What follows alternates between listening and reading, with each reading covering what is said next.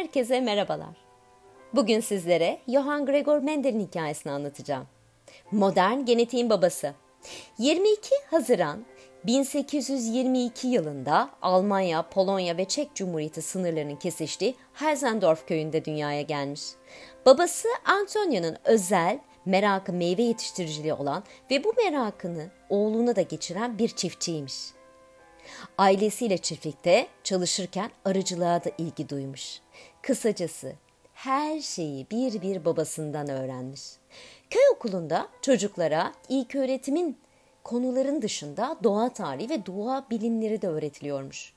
Buna inanılmaz büyük bir ilgi duyuyormuş Mendel.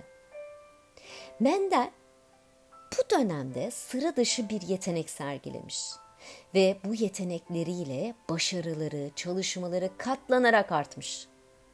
Üniversite yıllarında hem pratik hem teorik felsefe ve fizik bölümlerini okumuş.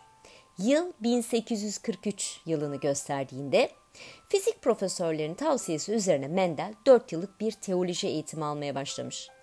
Aslında Mendel'in o döneme kadar tek bir adı varmış, Johann'mış. Ancak teoloji eğitimi sırasında Gregor adını da almış. Yıl 1851'i gösterdiğinde Viyana Üniversitesi'nde deneysel ve matematiksel fizik, kimya, botanik ve zooloji derslerine de katılmış.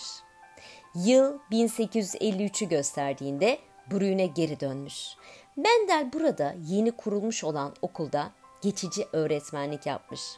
Öğretmen olarak geçirdiği dönemde öğrencilere ona büyük bir saygı göstermiş.